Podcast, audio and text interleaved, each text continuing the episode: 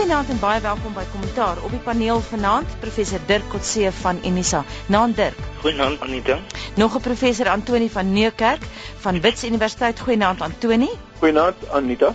En dan 'n baie bekende joernalis Max de Pre vanuit die Kaap. Goeienaand Max. Goeienaand. Max, die stories van die week. Anita, ek dink ons lewe is voorspelbaar in die weke en maande wat kom want uh, die ANC se leierskapstryd is weer bo aan die lys met baie dinge wat gebeur en dan vertakkings daarvan soos byvoorbeeld die ander groot nuus van die week. Generaal Mdluli se skorsing wat opgehef is sonder redes 'n man wat aangekla is van bedrog en moord. En die uh, teorie is maar dat hy uh, vergoed word omdat hy 'n uh, loyalis is vir Zuma. Daar kom 'n hele paar ander vertakkingkies van die storie soos die wet op beveiliging van inligting wat weer uh, ter sprake gekom het in die parlement wat mense nou sê maar kyk die Mdluli ding is nou presies waaroor die wet eintlik gaan. Mense soos Willem Zimbabwe en George Bezos en Thuli Madonsela het skerp kommentaar opgelewer hierdie week. Ehm um, Lemma is ons oor hom moet praat. Ek het gehoop ons gaan in hierdie tyd nie meer oor hom moet praat. sy uh, hy verbrand sy brûe en noem nou vir president Zuma op sy naam en sê hy is 'n diktator en die jeugliga het nou gevra die ANC moet die president dissiplineer. My ou vriend Vito Palazzolo is in uiteindelik in Thailand gearresteer, man wat voor van 1986 hier sit en hy is eintlik 'n maffia baas, hy is veroordeel daarvoor in Italië. Shindavani se uitlewering na Suid-Afrika is gestuit deur die hof voorlopig. Die spesiale ondersoekeenheid sê die korrupsie in Suid-Afrika met tenders en bedrog kos die staat 30 biljoen rand. MTN word in word deur Turkye deur die Turkse maatskappy gedagvaar oor hulle kastig hulle lisensie in Iran gekoop het en die ambassade Suid-Afrikaanse ambassadeur word daarbey betrek. Terreuraanvalle in Kenia, moeilikheid in in Sudan en minister Lulu Tsengwana maak moelis op 'n vlug van Accra na Johannesburg. Dis 'n verskeidenheid stories daai, maar kom ons begin uh, met 'n ou bekende. Ons praat so dikwels daaroor die voorleggings wat gedoen is oor die wetsontwerp op die beskerming van inligting. Kom ons begin sommer uh, by jou Antoni en dan sal ons nou nou teruggaan na Max toe. Ons weet dat Tuli Marcella in haar vorige voorlegging 28 bladsye kritiek daarteen gehad het, maar hierdie keer Antoni ook uh, baie skerp, baie skerp kritiek van George Bezos se kant af. Ja, ek dink George Bezos praat hier waarskynlik. Ek moet sê dis 'n dis nou 'n man wat al baie jare 'n openbare figuur is en hy praat nog steeds so skerp soos altyd en ek dink hy verteenwoordig 'n groot seksie van die burgerlike samelewing. Hy was weer op sy stukke gewees en hy sê wat ek dink 'n uh, soort van 'n refrein besig is om te word en dit is dat um, aan die een kant is daar so 'n tipe van 'n wet nodig, maar ons self het dieselfde ding gesê. Ons moet die die ou wet opgradeer en daar is inligting wat beskerm moet word en daar is georganiseerde misdaad wat die staat aanval as ware en misbruik maak van inligting. En daar's baie voorbeelde daarvan, maar dat die wetsontwerp heeltemal te ver gaan en dit dit het nou verpolitiseer en die en uh, Bezos en Madonsela en ek dink die uh, the right to know sê almal dat die grootste probleem met, met hierdie wetsontwerp is dat dat dat dit deur die die regerende party misbruik kan word in die toekoms om waar hulle droog maak dinge geheim te hou en as hulle mense dan uitvang wat inligting het dat hulle die mense kan vervolg of toesluit en dit is uh, onbillik. Daar's ook nie 'n sogenaamde openbare belang klousule nie. En dit is geillustreer hierdie week Anita deur die storie wat nou vorendag gekom het van MTN wat besigheid in Iran wil doen en blykbaar gekonkel het om die om die lisensie te kry om die selfoonkontrak in Iran te kry en hulle hmm. word nou deur die hulle hulle kompetisie aangekla in 'n Amerikaanse hof. Verskeie koerante insluitende die Mail and Guardian het gesê ons kan nie hieroor berig gee of skryf wat ons regtig waar weet as hierdie wetsontwerp nou deurgaan nie want ons het toegang tot vertroulike inligting en dis in die openbare belang dat ons verstaan wat MTN skynbaar probeer het om te doen. As hierdie wet deurgaan dan gaan ons nie sulke stories kan vertel nie. Is vir my baie moeilik om te antisipeer hoe presies in die praktyk hierdie nuwe wetgewing gaan werk. Die wetsontwerpe wat ek self gelees het van die laastes spesifiseer duidelik dat dit moet geklassifiseerde inligting wees. So as iemand byvoorbeeld sê dis konfidensiële inligting, maar dis nie amptelik geklassifiseer nie, gaan dit interessant wees om te weet of dit werklik beperk kan word sodat dit nie nie toeganklik tot die publiek of tot joernaliste kan wees nie. Ehm um, want dit is eintlik 'n formalisering van geklassifiseerde inligting of dit nou geheim of uiters geheim of wat ook al is. Nou natuurlik daardie proses is oop vir ongelooflike manipulering en ek dink dit is wat die wetgewing probeer reguleer ook, maar ons as die burgers gaan nie weet hoe dit gedoen word as ons nie toegang het tot daardie proses nie. So dit is eintlik baie problematies oor wat werklik geklassifiseer gaan word as inligting wat as vertroulik beskou word as geheim beskou word en dit wat mense net wil probeer sê wel dit is nie beskikbaar nie. Een voorbeeld byvoorbeeld is hierso in ons in die Tshwane Metropolitaanse Raad was daar 'n bespreking in die raad gewees en raadslede het gesê wel hierdie is vertroulike inligting wat nie tot julle beskikking is nie. Maar dit was glad nie geklassifiseer nie.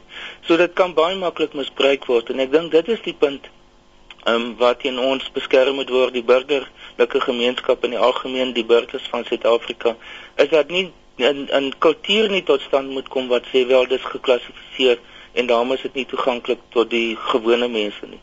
Ek dink wat 'n mens miskien om terug te gaan na ehm um, na aspekte wat vroeër genoem is veral die die ehm um, die proses wat nou in die nasionale raad van provinsies besig is om plaas te vind.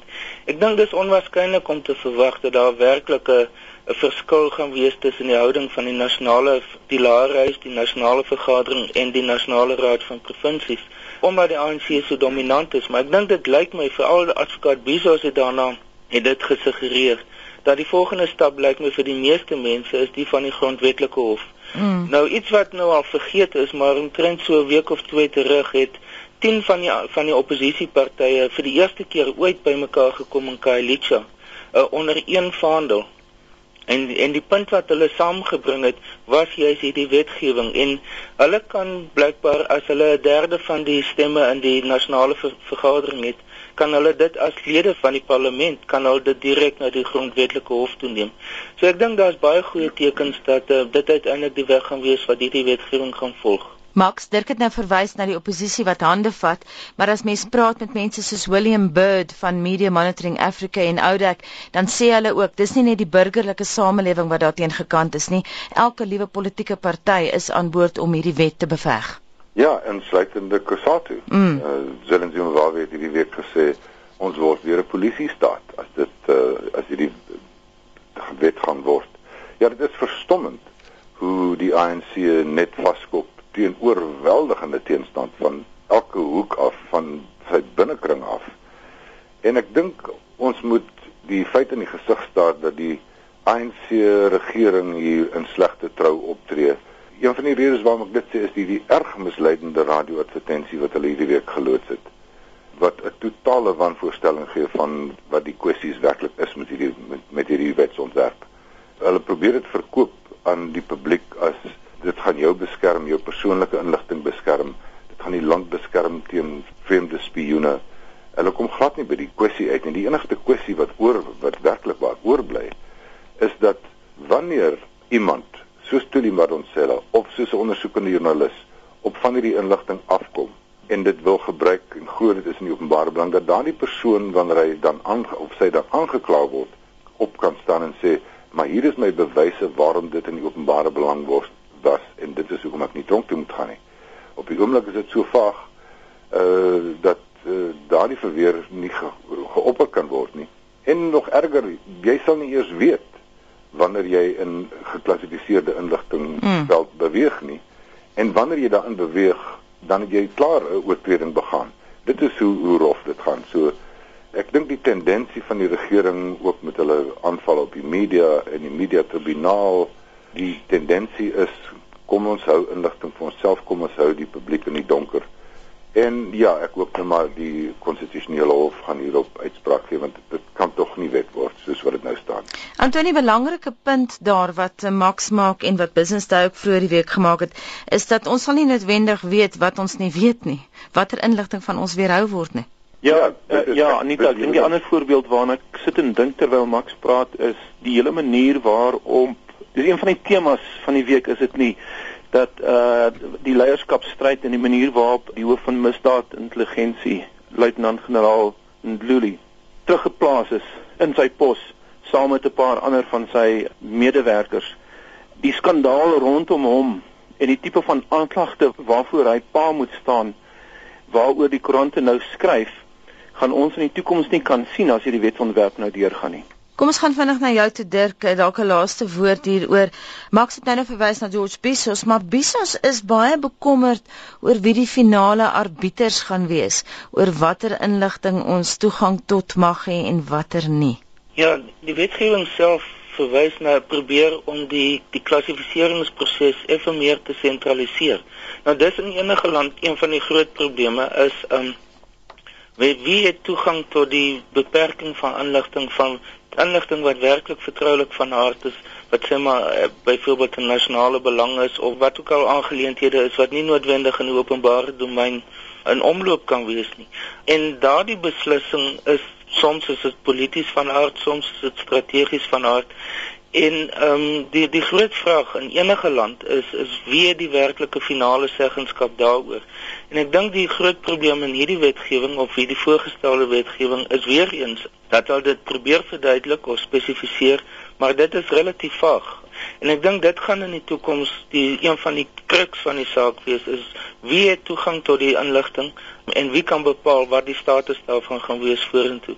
En in die verlede weet ons dat dit um, in die 1980s en voor dit weet ons dat dit ook misbruik is um, en dat baie inligting toe en dit is in terme van die huidige wetgewing wat dit gedoen is ook uh, hoog geklassifiseer is. Ek meen dit was snaaks dat soms byvoorbeeld koerantberigte wat in die besit van intelligensie uh, dienste was dat selfs dit geklassifiseer was dit dink ek is die die gevaar vir die toekoms is die die neiging om inligting oor te klassifiseer en dan ook dat te veel mense daarbey betrokke is dat dit nie die uitsondering is nie maar eerder die reël word.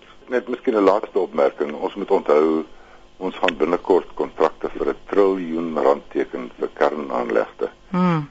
En hier word die die die spektrum van die probleem nou eintlik ontbloot. Want wanneer jy praat van kernaanlegte moet sekere van daardie inligting noodwendig geklassifiseer wees. Want dit is gevaarlike goed. So die staat sal kan met goeie reg sê sekere dele van die tegnologie of wat ook al ons gaan hier toepas moet hoogs geklassifiseer wees. Anders gaan dit dalk makliker maak vir terroriste of wat ook al. Maar nou moet ons wag dat die tenderproses nie deel word van daai gehoogs geklassifiseerde inligting nie. Want as jy dan praat van 'n triljoen rand, dan gaan jy dan weer sekerlik 'n klompie bakkant politici staan wat 'n paar rand na hulle kant toe wil vat. En dit raak die gevare uh, met hierdie soort wetgewing. En, en ek, ek is jammer om te sê, maar dit klink my nog steeds die publiek is nie so erg bekommerd nie. Die gewone mense mm. daar buite en weet nie so baie daarvan nie. En dis hierdie soort van goed. Wanneer ons praat van das 30 miljard rand wat jaarliks verlore gaan in korrupsie. Dit is hoekom 'n gewone belastingbetaler moet bekommerd wees oor hierdie wetsontwerp. Der kommentaar van jou kant af vandag gaan ons aan Antonie toe. Ja, ek stem 100% saam met met Max. Ek ek dink die die essensie van enige werklike demokratiese bedeling is dat die reël moet wees dat inligting beskikbaar is en dat die uitsondering moet wees dat dit geklassifiseer word. En as dit die teenoorgestelde begin wees en dat net 'n sekere groepering binne die regering byvoorbeeld of die sekere groep amptenare werklike beheer oor hierdie vloei van inligting het, dan is dit uiters problematies.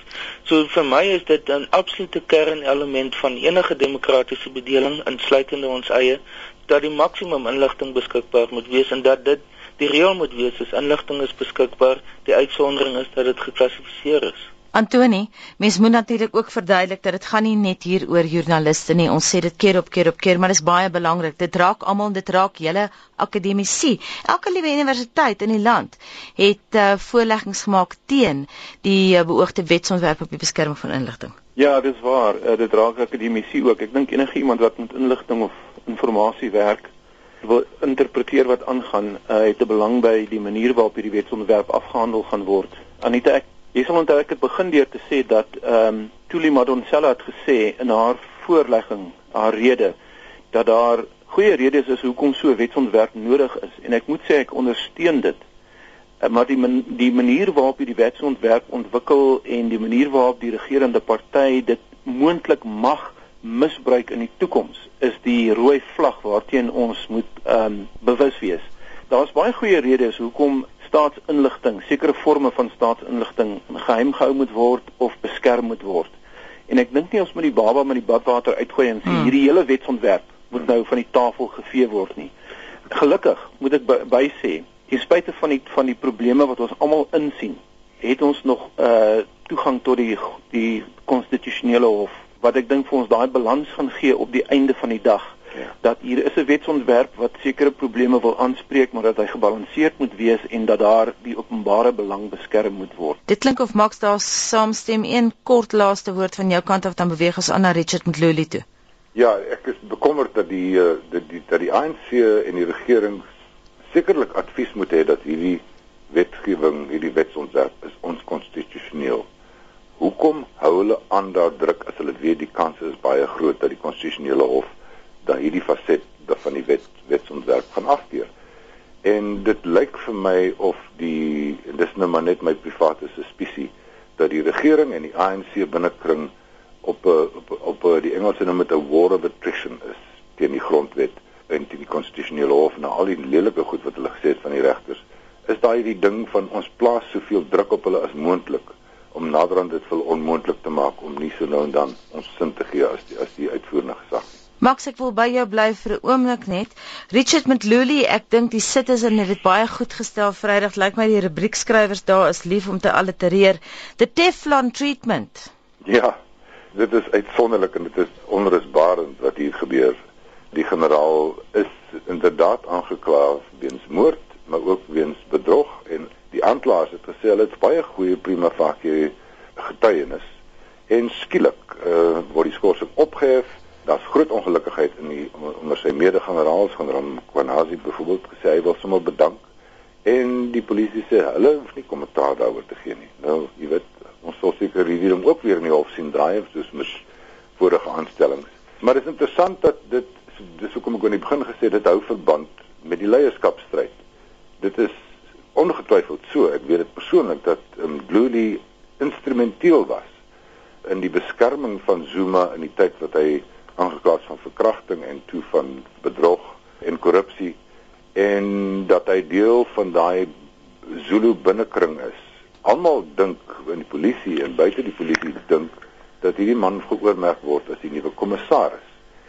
Ek het terloops laasweek in my rubriek geskryf dat eh, Zuma is besig om vir hom so 'n van 'n oorlogskabinet saam te stel wat hom moet beskerm op pad na Mangaung toe. En dit is die, ek het 'n lys gegee van die soort van goed wat hulle al klaar doen, die mense wat hulle afdank wat hulle teenstaan, die slegte stories wat hulle oor hulle teenstanders versprei. En dan Luli en terloops toe die president in 'n woedeby 'n verskriklike verklaring uitgereik en hy vat my na die persombudsman toe. En ek het geen hy het geen kans om te wen nie want ek met die goed lê op die tafel. Dis 'n katnes hierdie hmm. rondom hierdie Luli ding. Dit is tipies van die denke wat aangaan in die Zuma kamp. Ek het nie van die ander twee vergeet nie, maar ek moet jou as 'n joernalis 'n vraag vra. Max, vir my verstommend dat brigadier Lindela Mashego eenvoudig kan sê dis die besluit, dit sal nie verder bespreek word nie en dan vra die citizen ook tereg, maar wat het geword van deursigtigheid? Ja, en watter in watter demokrasie dink hierdie man lewe hy? Hy is Jimmy Manie wat ook in dieselfde waan verkeer dat jy mag daar sit, jy het 'n hoë pos en jy mag daar sit en joernaliste en dus Suid-Afrika nie ook kyk en sê ek hoef nie te verduidelik wat hierdie regering doen nie. Die oppositiepartye vra byvoorbeeld vir Manje watter amptenare is saamgevat Bloemfontein toe na die ANC se partytjie toe. En die oppositiepartye het dit in die parlement gevra. Die ou parlementêre tradisie is daardie vrae moet nou in die parlement geantwoord word deur die ministers. Hmm. Hier staan Jimmy Manje op en sê Nee wat, dit is uh, eh, die vraag is buite orde. En dieselfde mm. wat hierdie man ook nou doen sê ek hoef nie te verduidelik nie. Ek dink ons moet almal regtig regtig begin bekommerd raak oor hierdie weersin in in deursigtigheid wat ons by die regering begin waar, waarneem.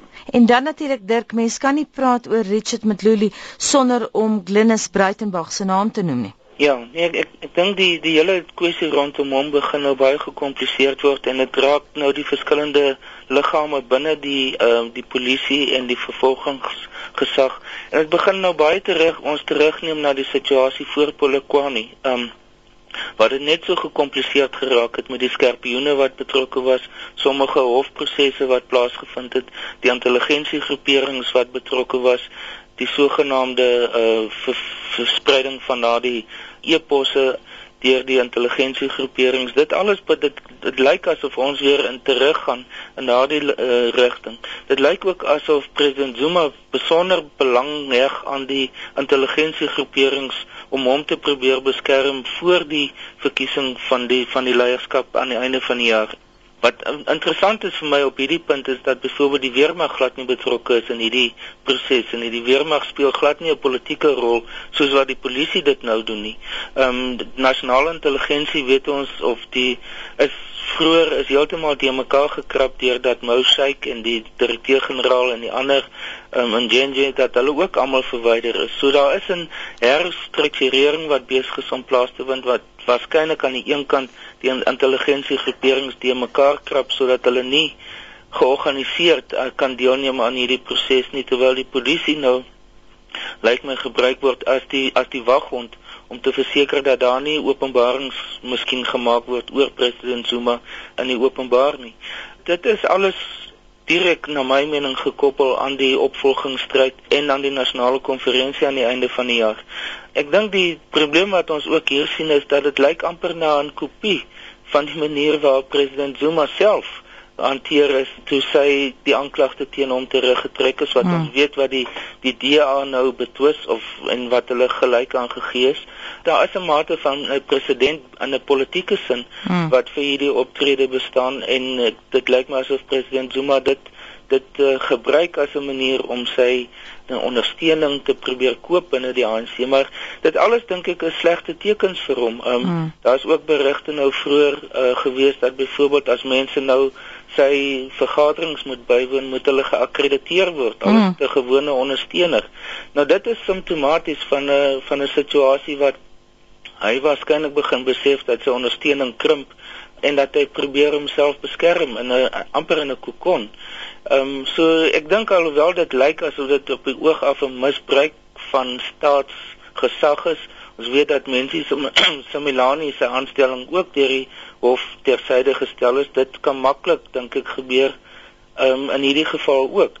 Maar ten spyte daarvan probeer president Zuma dit doen en dit lyk asof dit 'n desperate poging van hom is amper soos president Mbeki voor Polokwane om ondersteuners te kry. In daardie geval het hy dit met Jackie Celebi gedoen. Mm -hmm om invloed binne die polisie te probeer bou. So aan die algemeen lyk dit vir my asof president Zuma begin beheer verloor oor die oor die ondersteuningsbasis in die regeringskringe en oor die algemeen en dit dat dit die manier is hoe hy daarop reageer.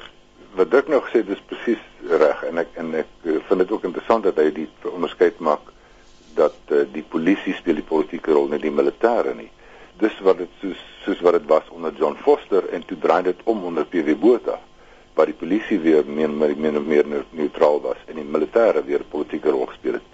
So dit is al baie interessante goed. Nou hierdie dinge waaroor Dirk nou gepraat het ontstel soveel mense in die ANC so baie dat daar nou skielik in die laaste 10 dae, 11 dae, 12 dae weer sprake is van Cyril Ramaphosa. Mm. Hy word nou weer uit die laai uitgetrek. Ek het nie met hom kom praat daaroor nie. Uh hy is merkwaardig stil gewees die laaste 10 jaar. Maar albei kante, albei kampe, die Galema Motlanthe kamp en die Zuma kamp, almal praat nou weer ons moet vir Cyril terugbring. Daar's blykbaar nou selfs 'n plan om te sê kom ons hou maar vir Zuma aan as president van die ANC, maar wanneer sy sy presidensiële termyn verby is, dan moet ons vir Cyril insit. En dit kom van albei kante en, en die die die die enigste rede daarvoor dink ek is hy dit lyk of hy die enigste skoon man is in 'n senior posisie in die mm. ANC. En ons moenie dink as ons lees van al die verskriklike wandade wat gepleeg word met ons belastinggeld en so aan dat die hele ANC so nie. Daar is mense wat diep bekommerd is hieroor en dit is hoekom ek dink hulle gaan dalk probeer om Cyril Ramaphosa te laat herleef as 'n politikus. Miskien net vinnig maaks Antonio as dit nie van jou vergeet nie kom nou na jou toe vinnig maaks net uh, die probleem is daar is mense in die ANC natuurlik wat gekant is teen al hierdie korrupsie en wat bekommerd is daaroor maar uh, hulle is nie altyd hulle gaan nie altyd op rekord nie Max. Nee nee, hulle staan nie ek vra mm. kort kort vir hulle en dis van my ou kamerade en dan sê ek vir hulle julle moet opstaan, mm. julle moet opstaan, julle moet julle stem laat hoor en hulle almal sê maar ons doen dit in die takke en die regte strukture. Want natuurlik as 'n kultuur van vrees. Ek praat nou van Cyril Ramaphosa en hierdie week laat ek maar to, toevallig net vir julle inlig daarvan. Daar is veldtog op die oomblik. Zuma stuur mense uit reg oor die land. Ek het deur drie mense besoek hierdie week wat vir my gesê het, maar ek moet nou sê vir wie gaan ek ondersteun? En wat wie se kant is ek 'n Galema man of is ek 'n Zuma man?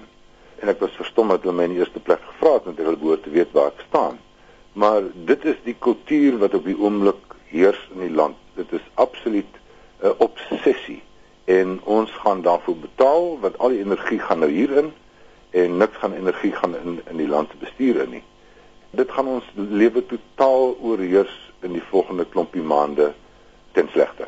Antonie, jy luister so geduldig daar heel hoflik in jou hoek. Maar uh, ja. Dirk het 'n interessante ding gesê. Hy sê die weermag is nog nie betrokke hier nie. Ja. Maar Business Day het Vrydag 'n hoofartikel geskryf dat dit lyk asof die spooke nou betrek is by die leierskapstryd. Ja, uh, Anita, laat ek begin deur te sê vinnig dat uh, Dirk het vir ons 'n magnifieke oorsig gegee van die stand van sake. Soos in Engels sê the balance of forces en Max het vir ons mooi ingekleer. So ek kan net 'n uh, blote voetnota byvoeg en sê dat ons uh, in hierdie land is ons gelukkig om nie hierdie uh, ander nagmerrie in die oë te staar wat in Wes-Afrika en nou in Mali homself afspeel nie en dit is 'n staatsgreep wat deur die soldate gepleeg word. Ons weermag sukkel met 'n klomp ander goeders. Ek is so 'n bietjie betrokke by die goed wat hulle doen onder andere meneer Rolf Meyer is die voorsitter van die verdedigingsoorsig komitee Met ander woorde die weermag onder minister Sisulu probeer desperaat weet om weer voete hulle voete te vind en 'n visie te ontwikkel vir die toekoms. Wat is die rol van die weermag? En hulle grootste frustrasie dink ek is dat hulle 'n beperkte uh, begroting het waarmee hulle 'n klomp goeders moet doen en hulle kry skaars tyd dink ek die gewone soldaat om te dink aan die politiek. Daar's 'n klomp ander goed wat moet gebeur. Op Max se nuuslys natuurlik ook Antoni MTN. Ons praat nie dikwels oor hierdie soort van storie nie, maar dit het politieke implikasies. Ja, ek dink daar's daar's sekere ekonomiese en 'n besigheids uh hoek aan wat MTN in die buiteland besig is om te doen, natuurlik. Ek bedoel as 'n groot speler. Maar aan die ander kant is daar die vraag van van skoon regering en uh oop regering en die politieke implikasies van hierdie storie van MTN is of ehm um, soos party van die media dit nou skryf, is ons buitelandse beleid te koop. En ek dink dis die groot storie. Ek weet nie tot watter mate ons in die detail van die MTN probleem moet ingaan nie. Hulle word nou aangekla deur eh, die kompetisie in Iran. Turkcell is die groep se naam in 'n Amerikaanse hof wat nogal 'n snaakse storie is en of die ding gaan uiteindelik uitwerk of nie weet mense nie, maar hulle praat van astronomiese bedrae. Dis 'n groot mark volgens hierdie selfoonoperateurs en MTN was het dit reg gekry om hierdie mark in in te uh te oorheers deur 'n uh, klomp korrupsie en so uh, skynbare korrupsie en omkoopgeld aan te bied en ons departement van buitelandse sake se diplomate is betrokke daarbey en die manier waarop Suid-Afrika gestem het vir of teen Iran mm. by die uh, internasionale atoomenergie uh, agentskap en ook Iran oor die algemeen want ons weet Iran word uh, deur sanksies in die oor gestaar as gevolg van hulle skynbare proses om kernwapens te ontwikkel. So vir my is die politieke implikasie tot watter mate was hierdie geweldige groot ekonomiese reus MTN daartoe in staat om regeringsamptenare om te koop en te verlei met met groot groot bedrae geld en met beloftes mm. om hierdie kontrak in te palm. En ons praat nou natuurlik van ons ambassadeur in Teheran, Yusuf Salaji.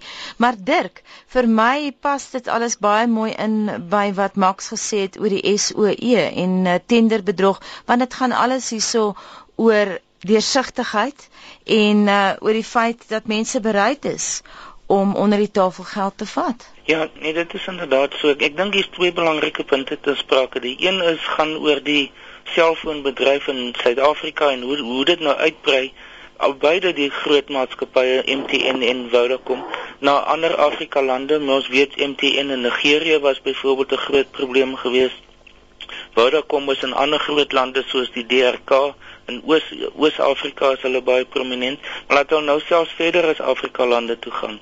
En dit begin een van die grootste bedrywe word wat Suid-Afrika in in 'n sekere sin uitvoer. Dit word eintlik 'n multinasjonale organisasie maatskappye en is nie meer primêr Suid-Afrikaans nie. So dit is die een dimensie dink ek wat 'n mens moet na kyk, is die invloed van Suid-Afrikaanse besigheid deur die selfoonbedryf in ander Afrika lande en dan ook in selfs ander lande soos nou Iran. Tweedens dink ek bring dit nou die kwessie van Iran in in 'n meer nog as van tevore in die spervuur. Ons weet van die beweringe wat gemaak is is dat die ehm uh, adjunkt president Motlanthe se se vernoot dat sy betrokke was by sekere sakebedrywe wat nou gaan oor helikopter transaksies met Iran. Hierdie handel nou oor direkte toegang tot Iran en dan ook die verskaffing van ander tipe van militêre produkte aan Iran. Terwyl daar reeds deur die VN se uh, Veiligheidsraad 'n uh, afdwingende wapen uh, sanksies is wat op alle lande van toepassing is teen Iran. So dit gaan in 'n groot mate oor die Iran-Suid-Afrika situasie en wat lyk asof Suid-Afrika op verskillende maniere besig is om die VN se sanksies te verbreek. Nou dit skep 'n belangrike statusprobleem vir Suid-Afrika in die internasionale gemeenskap. Ons moet onthou, onthou op die oomblik is ons nog 'n lid van die Veiligheidsraad van die VN. Mm. Terselfdertyd het ons nou net gekom van 'n 'n groot um, byeenkoms in New Delhi in Indië van die BRICS groepering waarin Iran ook ter sprake is as 'n onderwerp um, oor die status en die morele posisie van Suid-Afrika in die internasionale gemeenskap veral oor kernaangeleenthede. Dit alles bring groot vraagstuk of groot vrae oor waar staan Suid-Afrika werklik en wat is Suid-Afrika se geloofwaardigheid in die internasionale gemeenskap mm. as hulle bereid is om hierdie tipe van transaksies aan te gaan. Die Suid-Afrikaanse regering is bewus daarvan um, met die doel om internasionale besluite oor die internasionale reg openlik te verbreek uiteindelik. So ek dink dat uit daardie oogpunt is dit besonder sleg en negatief vir die Suid-Afrikaanse internasionale status. Nee, ja, kommentaar sal volgende week 'n bietjie kyk na die gebeure in Mali natuurlik ook met ons kyk na Myanmar en die verkiesing daar. Maar eh, 'n uh, laaste woord aan jou Antoni, ons kan tog nie ignoreer wat hierdie week in Mombasa gebeur het nie. Ja, Anita, daar het nou uh lyk my twee bomme ontplof in Mombasa wat uh op die kus is so dis nie die hoofstad nie. Maar die eerste aanleidings is dat ehm um, soort van 'n religieuse groepering is geteken. En die ander bom het 'n uh, eh, lyk vir my in 'n restaurant afgegaan. En 'n mens wonder wat uh, werklik agter die storie sit. So dis 'n bietjie vroeg nog om te spekuleer oor wie dit gedoen het. Maar daar's 'n daar is 'n inderdaad 'n soort van 'n politieke konteks en 'n sekuriteitskonteks en dit is dat Kenia is betrokke by uh die probleme in Somalië en ehm um, trouens hulle het soldate ingestuur om Al-Shabaab te probeer vasvat in Somalië. En Al-Shabaab ehm um, wat ek dink mense terroriste groep kan noem, het reeds gewys wat hulle die tipe van terreur wat hulle saai as jy ehm um, jou soldate in Somalië instuur dan slaan hulle jou terug by die huis waar hulle die seerste maak en hulle teiken burgerlik is en dit lyk vir my dalk dit is die moontlike vertolking van wat hier gebeur het. En dit is slegte nuus want die AU sukkel verskriklik en belangrike lande soos Kenia sukkel om die probleem vas te vat in Somalië. En die vraag wat 'n mens moet vra dalk nie vir vanaand nie is tot watter mate ons uh, soldate en vredesoperasies betrokke moet raak in plekke so Somalië want uh, die gevaar kan bestaan dat ons ook teikens kan word in ons eie land van hierdie tipe van terreuraanvalle. Baie dankie. Ons moet haltroep laaste woorde aan professor Antoni van Nieuwkerk van Wits Universiteit se skool vir openbare en ontwikkelingsbestuur. Dankie. Dankie en goeienaand. En baie dankie aan professor Dirk Kotse van Unisa. Dankie Dirk. Dankie Anita, goeienaand. En dankie aan Max de Pre wat met ons gesels het vanuit die Kaap. Dankie Anita, goeienaand almal.